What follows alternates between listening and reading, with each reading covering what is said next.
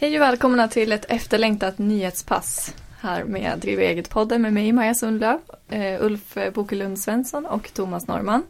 Den här podden har vi på Björn Lundén Information tillsammans med tidningen Driva eget som ni når på www.driva-eget.se. Så, vad har hänt nu på sistone? Ja, vad har hänt? Ja. Det är, ju, det är ju sommar nu Thomas. Mm. Och därmed så har ju regeringen väl fått fram alla sina förslag som ska lagrådsremissas och tröskas innan höstens eventuella propositioner. Ja, precis. Och eh, eh, det är mycket sånt på gång. Men vi har även fått lite beslut faktiskt. Eh, som har varit på gång väldigt länge. Vi har pratat tidigare om den här månadsuppgifter istället för kont årlig kontrolluppgift. Du menar om man är anställda och hur man rapporterar in? Precis. Grannländerna, många av våra grannländer har ju redan idag ett system att man varje månad skickar som en kontrolluppgift på varje anställd. Och det kan ju tyckas lite jobbigt men ehm, eh, alla arbetsgivare registrerar ju arbetsgivaravgifter och så här på individnivå redan idag. Men däremot så sker det liksom ingen sammanställning som går in till Skatteverket. Och det innebär ju det att eh, man får ju vänta väldigt länge på de här uppgifterna. Myndigheter måste kräva in uppgifter från arbetsgivare istället för att bara elektroniskt ta in de här uppgifterna. Och som anställd vet man ju faktiskt inte om en arbetsgivare levererar in skatten som man gör avdrag för. Så man ser väldigt mycket fördelar med det här. Och nu har man äntligen kommit till skott och tagit det här beslutet. Det var ju på gång för några år sedan.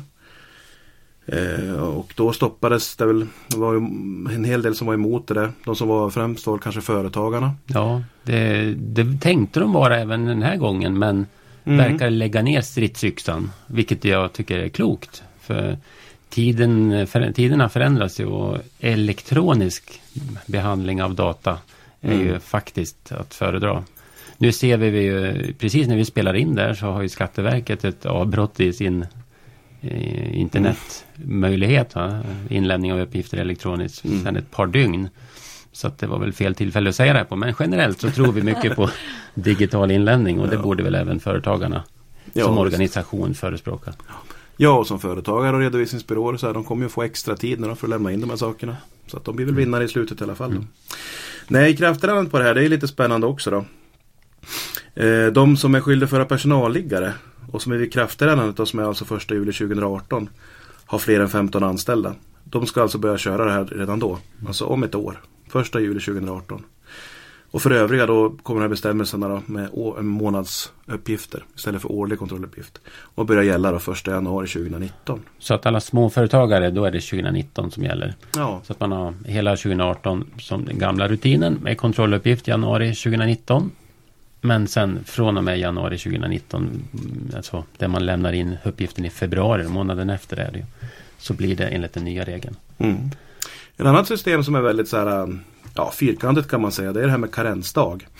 Man säger ju ofta att man har en karensdag när man blir sjuk.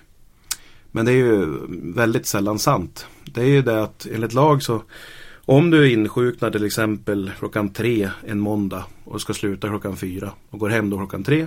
Då blir ju karensdagen en timme. Om du däremot då kanske har eh, ja, lite så här mer modernt att ha flera arbetsgivare och kanske varvar företag och jobb och så här. Så kan karensdagen bli väldigt eh, om, kännbar då. Eh, Om vi tar ett hårdrar ett exempel att du har en arbetsgivare jobbar på, och en arbetsgivare på måndag, sen annan på tisdag och en tredje på onsdag. Och så blir du sjuk i tre dagar. Måndag, tisdag, onsdag. Då kommer du med dagens system att ha tre karensdagar. Så att dagens system kan slå både negativt, eller antingen negativt för den anställde eller negativt för arbetsgivaren skulle man kunna säga. Ja, Och vad kommer det gälla istället då från 2018? Ja, är, nu är det bara en, en departementsskrivelse fort, fortsatt då. Och det är att man ska då ha ett karensavdrag och det här har varit på tapeten redan sedan 2004 men stoppas av någon anledning. Och då har man tänkt sig att man istället ska få en eh, tjugondels vecko eh, lön liksom som ett karensavdrag från alla arbetsgivare. Så om du då till exempel har flera arbetsgivare då blir det ju 20% av en veckolön från samtliga. Och har du en, ja då blir det ju en, rejäl karensdag helt enkelt.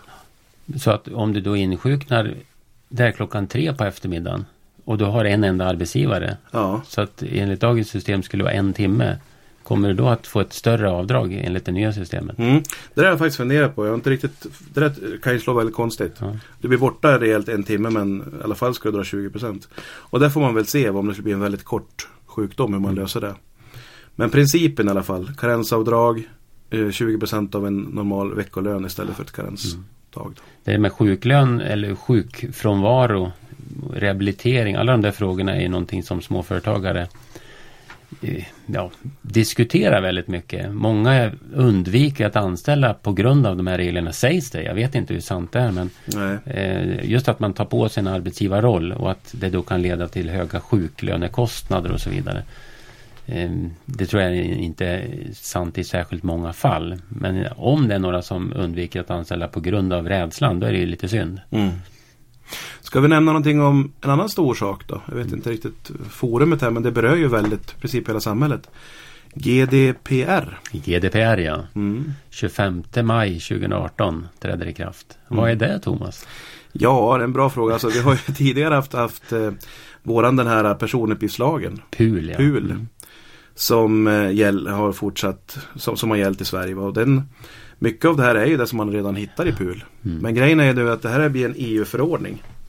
Och ska gälla då lika inom hela EU. Och det blir väldigt kännbara sanktioner om man inte uppfyller det här. Så att den stora skillnaden mot PUL kan man väl säga om man slarvar lite. Det är att det blir sanktionsavgifter som biter. Mm. PUL har inte dem. Utan det blir mer att man får en knäpp på fingrarna liksom. Ja. Så eh, det handlar ju om personuppgifter som man inte får lagra hur som helst. Dels eh, måste man skydda från intrång. Dels måste man gallra ur om man har eh, uppgifter liggande som inte används aktivt under längre tid. Mm.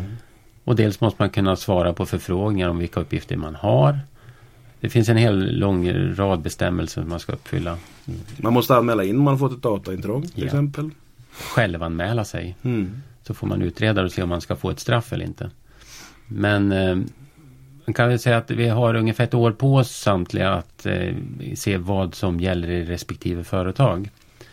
Har man en leverantör av eh, tjänster som eh, finns på, i molnet då kan man ju, får man utgå från att den leverantören skyddar sig enligt GDPR-reglerna mm. och därmed skyddar klienten, kunden.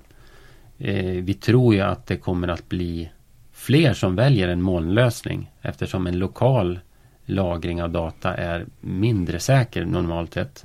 Har du en internetuppkoppling på en dator och har lokalt lagrad data det är inte lika sannolikt att ha samma skydd som en större leverantör av en molntjänst. Mm. Och det här är som det låter. Man kan ju tycka att GDPR och man pratar om EU-förordningar att det här berör kanske inte mig. Men alltså en liten redovisningsbyrå, företag med kundregister och sådana saker. Det är de som berörs av det här. Då. Och nu sanktionsavgifterna, de jag har inte de exakt framför mig, men det handlar om miljonbelopp i alla fall. Det kan bli, ja visst absolut. 4 av omsättningen mm. är ju en regel. Upp till, men får väl anta att för mindre brott så blir det mindre pengar. Men det, om vi bara säger 4% av omsättningen så kan det bli dyrt. Mm. Lite små saker då. Vi har fått ett skärpt amorteringskrav. Eller vi har åtminstone öppnat upp för det nu då. Ja, vad säger du Maja? Du som är mäklare. Mäklarutbildad. ja. Det slår det mot branschen. För ja. att man säljer bostadsrätter. Det och... känns som att mäklarbranschen är lite nervösa. Det mm. skrivs ju dagligen nästan om den här bostadsbubblan. Mm. Mm. Men vad innebär Ja, Finansinspektionen har ju lämnat ett förslag nu då, liksom, som ska godkännas av regeringen innan det liksom gäller. Men det behöver inte gå via riksdagen. Utan det här ändrade man ju när vi fick ett amorteringskrav för något år sedan. Här. Då vi fick ett från 1 juni 2016. Men det innebär att det finns alltså man får ett skärpt eh, finansieringskrav då. Eller amorteringskrav heter det väl. Så att svenska hushåll som lånar mer än 4,5 gånger sin bruttoinkomst de ska amortera en procentenhet mer av sitt bolån varje år än i dagsläget. Då. Så i kombination med det amorteringskrav som, som ligger då så innebär det att upp till 3% kan det bli att man ska amortera. Mm. Och det här är ju som sagt, eh, man ser ju som sagt att den här fastighetsbubblan bara fortsätter växa då. Och många internationella instanser och så här varnar i Sverige löpande för det här. Mm. Och det, alltså, det ser vi ju om man tittar i historien också att om det blir en sån bubbla som spricker så går det väldigt fort. Mm. Vet jag du Thomas som bor i Troksta. Mm. Där är väl ingen större fastighetsbubbla? Eller ja. är det väldigt attraktivt att bo i Troksta? Ja, alltså det ska man ju vara medveten om. Man kan ju tycka att det här är något Stockholmsfenomen. Men Tittar man alltså nationellt sett så i princip det är inte många kommuner i Sverige som inte har en väldigt stor bostadsbrist mm. och där priserna då stegras. Och Hudiksvall eh, som vi, vår närmsta stad, en liten svensk stad. Men även där ser man liksom att bostadspriserna stegras så väldigt snabbt. Då. Men visst tycker du väl att Maja kan vara lite mer nervös än du? Maja ja. bor på Kungsholmen. Mm, rimligen, rimligen. Jo men och då kan man ju tycka så här, ja, vad händer då? då? Vi får ju en, alltså, någon procent till då om ja. räntorna börjar gå upp och så. Ja men så blir det ju. Samtidigt då så kommer, ju, kommer ju då marknaden att innebära att eh, priserna på fastigheter och bostadsrätter kommer att sjunka. Eh, och då i takt med att de sjunker då kommer ju banken att resonera som så att då har man inte full täckning för sina lån. Och då kräver de ändra eh, borgensman kanske på lånet eller då att man får högre räntor så man inte har full täckning. Mm. Och så är man inne i ett ekorrhjul så här då. Det känner jag igen. Jag jobbade ju på bank i slutet av 80-talet, eh, in på 1990. Ja. Då var det en rejäl fastighetsbubbla. Ja. Och då, den small. Mm. Ja, man behöver inte gå så långt bak. Nej. Lehman Brothers-kraschen i USA. Ja. Till exempel. Eh, nej det är väl vettigt med lite åtgärder. Dels att man inte belånar fullt på bostäderna med större kontantinsats och sen amorteringskrav och sådär. Det är väl inte så dumt. Nej. Kalkylräntan är väl bra. Att den inte ligger för lågt. Mm.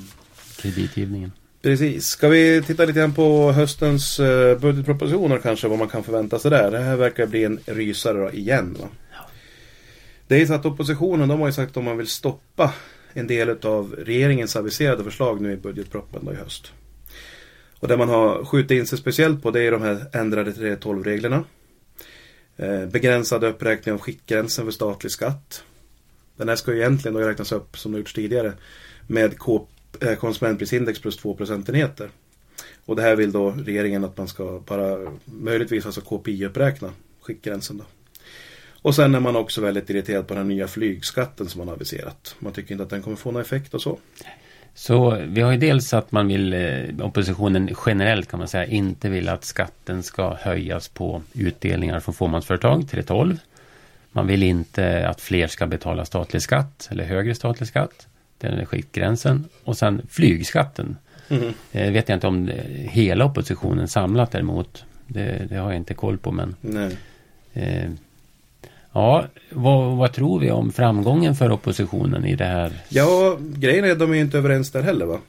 Man vill alltså stoppa det här men hur det ska gå till är man inte överens om. Och Moderaterna och Kristdemokraterna de vill lägga en eh, gemensam budget med övriga allianspartier. Och det skulle då riskera att utlösa ett extraval. Stefan Löfven har varit väldigt tydlig med det att om inte det funkar då kör vi ett extraval. Och vare sig Moderaterna, framförallt inte Moderaterna, borde vara intresserade av ett extraval under våren 2018. Eh, Kristdemokraterna har ju också siffror under 4 nu enligt opinionsmätningarna. Va? Så det är tveksamt om de egentligen vill. Precis, utan Liberalerna de vill istället då stoppa enskilda förslag i budgeten. Då. Eh, och det vill ju också Centerpartiet. Va? Och Kristdemokraterna har nu börjat svängt lite grann. Okej, okay, vi kanske ska göra så bara för att vi kan enas om någonting. Och det tycker regeringen är dåligt att man bryter budgetöverenskommelsen kan man säga. Va? Eller mm. budgettraditionen. Men eh, man är kanske beredd att göra avkall på det från oppositionspartierna bara för att få ett stopp på någonting. Mm. Vinna mm. någon liten seger men slippa nyval. Våra finansministrar då, vi har ju en ordinarie och en vice. Gick ut i en debattartikel där för några dagar sedan och sa ju det att det skulle bli, få mycket långtgående konsekvenser under såväl denna som kommande mandatperioder om man då bryter det här liksom, överenskommelsen. Det var ett liksom, förtäckt hot som heter duga. Mm. Oh, den, den svider. Mm. Men vad är det då som för övrigt då vi kan förvänta oss i budgeten? Alltså det finns ju som sagt, man har tagit fram förslag. Sen har man nu lagt det här till lagrådet och sagt att vi vill ha det här lagrådsberett alltihop. Mm. För att kunna välja bland de här förslagen till budgeten och ha lite att förhandla om. Då. Och bland annat det här växa-stödet som vi fick tills i år eh, växa-stöd, alltså man får eh, rabatt när man då anställer sin första person om man är enskild näringsidkare. Bara för dem. Så det var ju lite konstigt. Och sen gick ju Miljöpartiet ut och sa att det här var ju våran lilla bebis det med växa-stöd. Och vi vill ju att det här stödet ska gälla alla företagsformers anställning. Men det fanns bara pengar för att genomföra det för enskilda näringsidkare under budgeten för 2018, 2017. Men i framtiden så vill vi att det ska gälla alla. Och därför så har man nu lagt ett förslag att det här ska liksom Även gälla vid anställningar i handelsbolag och aktiebolag. Då. Höj, och, det, ja. och det är tänkt att börja gälla från 2018 då? Ja, ifall det läggs fram som förslag. Mm. En grej som jag inte såg komma i alla fall det är det att man nu man föreslår en höjning av zinkskatten igen. Alltså om man har en utomlands bosatt jobbande här i Sverige en period. Mm.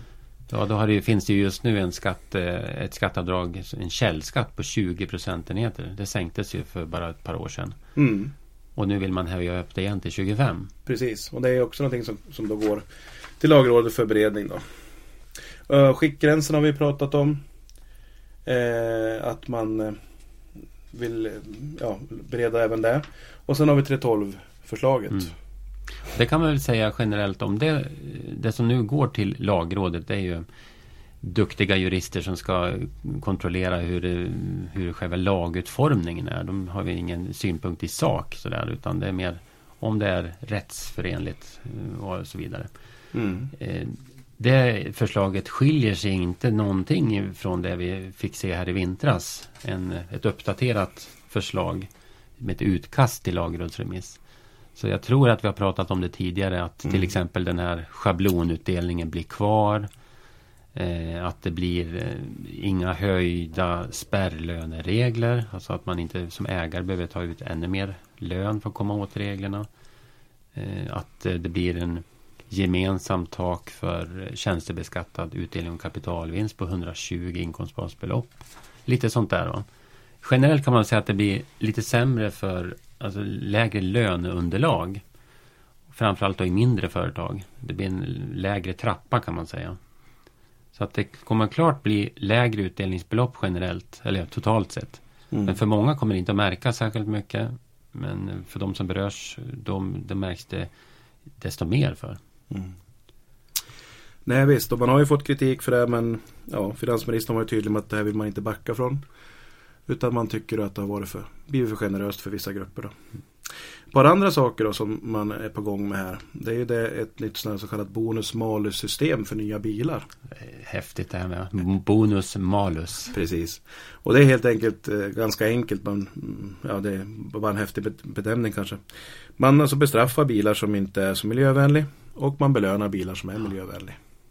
Så att om du nya bilar, nya lätta fordon från eh, vad är det, första juli 2018 va? Mm. Så kommer det att bli en belöning om de är, drar väldigt lite bränsle. Och det blir en bestraffning om de drar mycket bränsle. Mm. Jag såg något exempel att det kunde bli en höjd fordonsskatt per år på över 20 000 på de här tunga f- bensinslukande modellerna. Mm. Jo, nej, så att det kan ju som sagt få rejäla effekter. Då, så att, Men det här är någonting som man då också då har, har berett när de, lagrådet här och eventuellt då ska ta in i budgeten. Då. Och blir det det här också då kommer man även att göra som så att man ändrar beräkningen utav förmånsvärden för tjänstebilar. Ehm, dels så ska man då ta hänsyn till det här bonus systemet men även trängselskatt. Det har ju varit väldigt för, blivit väldigt förmånligt nu att ha tjänstebil om man bor i Stockholm. Och även då i viss grad också i givetvis Göteborg va, som också har trängselskatt. Men ehm, eh, och det kanske inte riktigt var tanken. Så att nu vill man lägga det här eh, att man ska ta hänsyn till trängselskatten ska helt enkelt eh, hanteras utanför bilförmånsvärderingen överhuvudtaget. Det ska tillkomma. Och sen ska man då räkna upp eh, eh, den här eh, bilförmånsvärdena med tanke på att man har bonus-malus-systemet. Så att det kommer bli även dyrare i så fall att ha tjänstebil. Inte alls lika bra som idag. Och den förändringen är ju tänkt att gälla redan från årsskiftet och första januari. Medan Ja, bonus det. malus Precis. går igång första juli. Mm. Så att det blir ju främst trängselskattepåverkan från, de, från början där då. Ja, jättebra.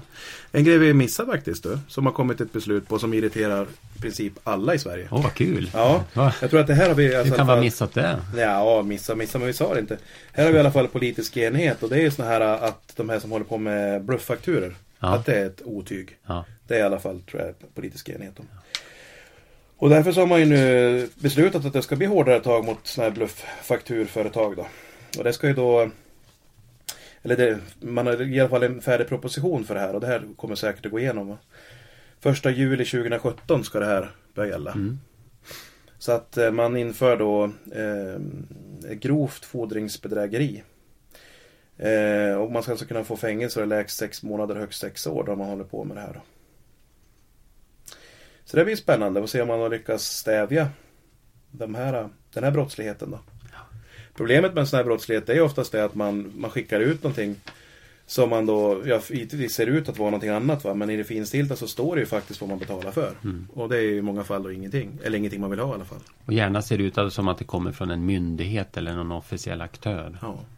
Vi har ju några kända så här bolagsupplysningen Mm. till exempel som har rott hem en hel del pengar tyvärr. Mm, precis. Så vi får se. Men eh, troligen så blir det en förändring på det också den första juli 2017. Ska vi lämna nyheterna där? Mm. Ja, möjligen alltså. Jag kom på en sak till Mm, som jag tycker, det är ju någonting som är beslutat sedan länge men som körs igång nu va? Framtidsfullmakt. Ja. Börjar ju gälla nu här i dagarna. Och det är ju en intressant eh, möjlighet att eh, sti, eller stifta om eh, hur man vill ha det i framtiden. Om jag blir dement eller hamnar i koma eller vad som nu händer. Vem ska sköta mina affärer? Mm. Så man har föranstaltat om eh, hur det ska gå till. Liksom. Det, det tycker jag, det har ju någonting som har funnits i Norge ganska länge men som nu Sverige äntligen får. Mm. Det brukar vara en ganska jobbig process annars. Om när kan man få en till en god man eller vem ska ta initiativet till det? Och den där processen. Besvärlig. Mm. Jag ser framför mig spänningen också kommer bli Man skriver en framtidsfullmakt som ska börja gälla när man inte är tillräknelig längre. Och sen har man ju då förmodar man kan väl tänka sig lite rättsfall då. När jag själv tycker att det är helt okej. Men mina anhöriga tycker att nu har han Ja, ju det. tappat det här va. Han kan inte ändra sig nu, han är Nej, helt dement. Precis. Så det, det kan också bli spännande. Ja, det- Nej men det var ju bara att skoja lite. Men, men det här är givetvis ett jättebra system. Mm. Troligtvis så kan man kunna komma ifrån det här med god man en hel del också med det här. Ja, nu är det min tur. Nu är det din tur, Nu har jag en intressant, eh, Mm. ett intressant ämne. Eh, ett ämne som är ganska hett i både Facebookgrupper för CSGO till exempel. Eh, googlar man på skins så kommer man ofta in på eh, lite olika forum där de diskuterar det här med Skatteverket. Ska man skatta på det man köper och säljer? Så var det skins. Eh, I eh, CSGO då, ett dataspel, online-spel, så kan man eh, köpa och sälja eh, pimpade vapen. Jag vet inte hur jag ska förklara. Det är men, helt eh, rätt uttryckt antar jag. I, Ja, beroende på vilken ålderskategori det vänder oss till. Man kan få sitt vapen eh, rosa, lila, Mm. grönt. Det blir lite häftigare. Och det är ju olika statusar då på de här olika skinsen. Så att man kan sälja, sälja dem för ganska mycket pengar. Vi satt och pratade om det här i före inspelningen att eh, många har ju skins, fysiska skins på sin, runt sin mobiltelefon till exempel. Man, egentligen sätter man ju på sig olika skins eh, på huvudet, olika kepsar och sånt där. Man skinsar sig gärna. Olika glasögon, alla möjliga saker. Mm. Man pimpar gärna sitt utseende. Mm. Eller sina att, eh, smyckar med attribut. Och det gör man alltså även eh, på online-spel och, Mm. och så vidare. Och det här tjänar vissa mycket pengar på. Ja, precis. Det går ju att köpa och sälja i själva online-spelet. Men då är det bara pengar som man kan använda i spelet. Så därför är det många som har tagit det på sidan av och så swishar man helt enkelt. Ja. Och det här handlar om tusentals kronor eller? Eh, ja, absolut. Mm. Eh, tiotusentals kronor också skulle jag tro. Oj. Det ja, finns det är ju... häftigt. Ja, Det är ju det här med alla nya företeelser. Och det händer ju ganska mycket och ganska fort. Eh, om man tittar bakåt på de senaste åren. Mycket med internet då förstås. Det är ju förvisso nytt. Men det är ju inte automatiskt skattefritt. Nej. Nej, För några år sedan vet jag kom med något ställningstagande från Skatteverket. Då gällde det lite andra sådana här just om spel då. Om man hade liksom fått ett vapen eller man hade lyckats eh, någon, fått någon förmåga som man kunde ta sig vidare i spel och så. Lite mer praktiskt, hands-on saker i spel eller vad man ska kalla det för. Och då kom ju Skatteverket med ställningstagande som liksom påpekar att det här är ju också skattepliktigt förstås då. Och nu är det ju någonting annat här då som Mm. man kan köpa och sälja. Så att det är väl egentligen, det går igen liksom. Fast det är olika saker som blir populärt att köpa och sälja. Och vad är det då vi pratar om då? Ja, det finns ju två aspekter på det här. Dels så har vi ju om det ska vara moms. Och dels om det är skattepliktigt i övrigt och i så fall då vilken typ av utav intäkt pratar vi om här då.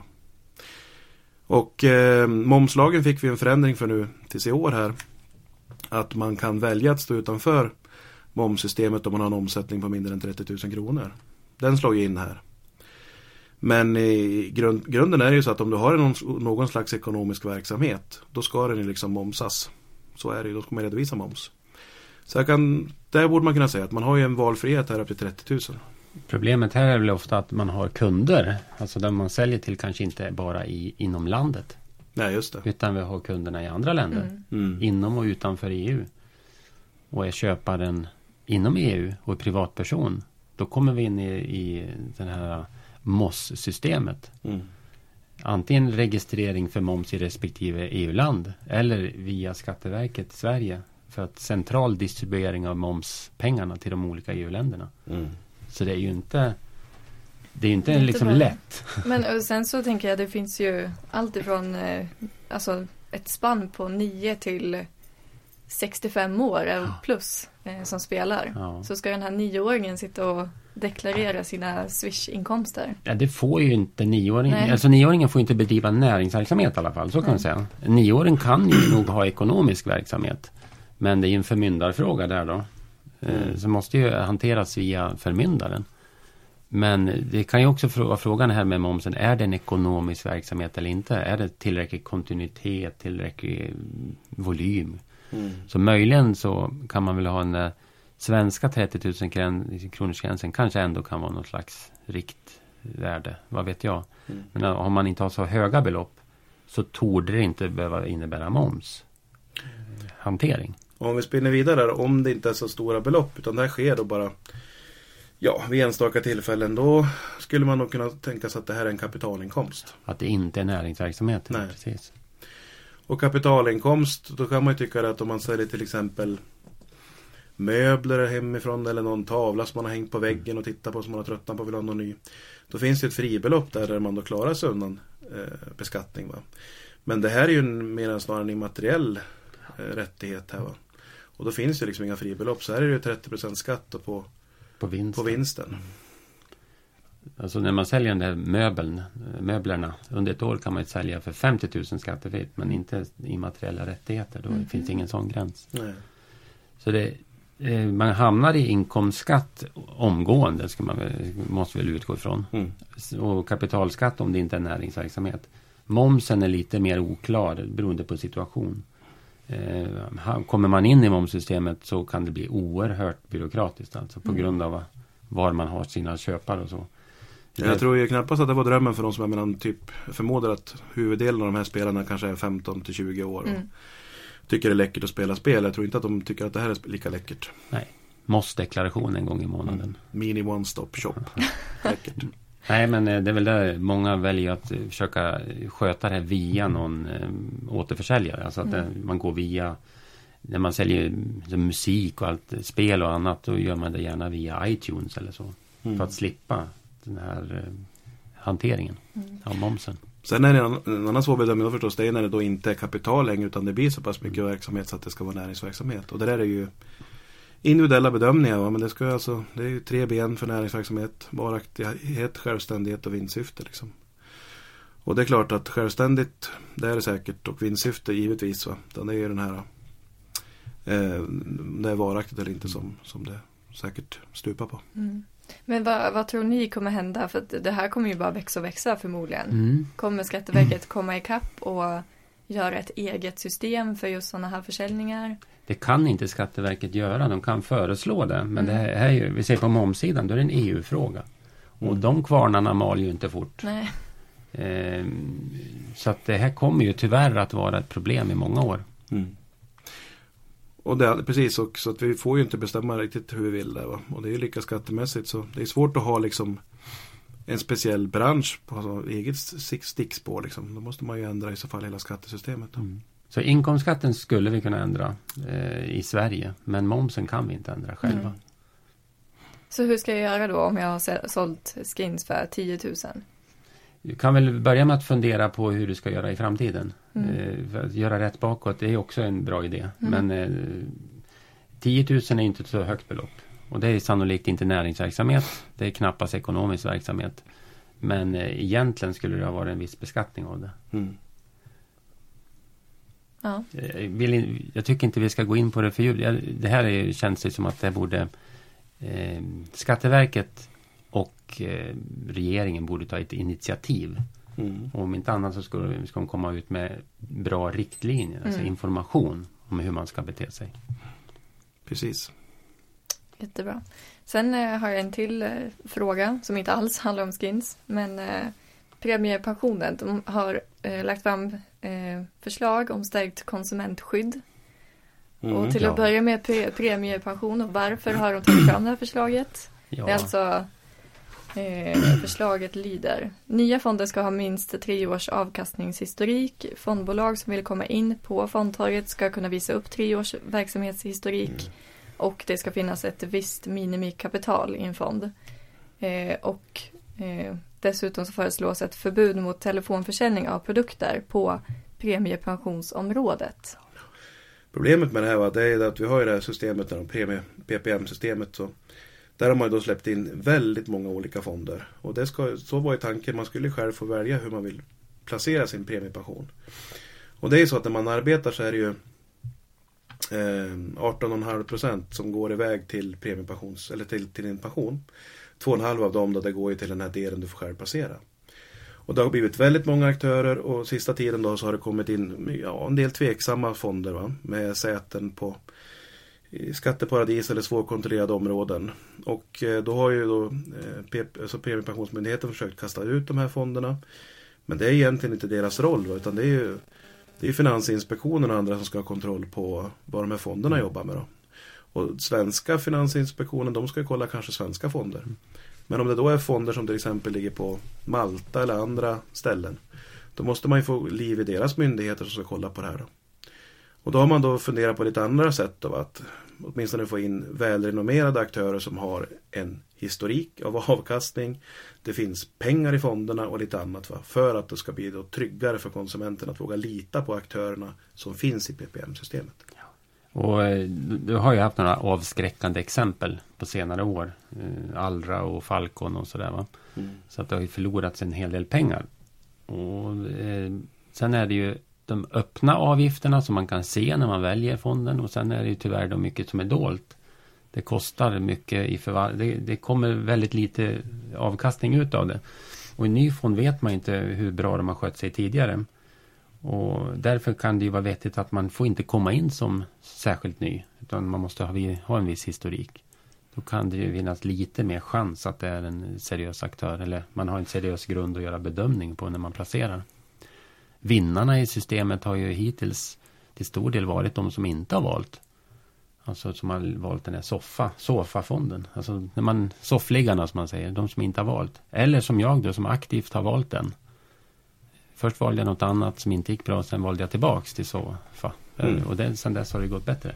Mm. Den har ju en bra utveckling. Den har låga, väldigt låga avgifter. För det är ju då statens egen fond kan man säga.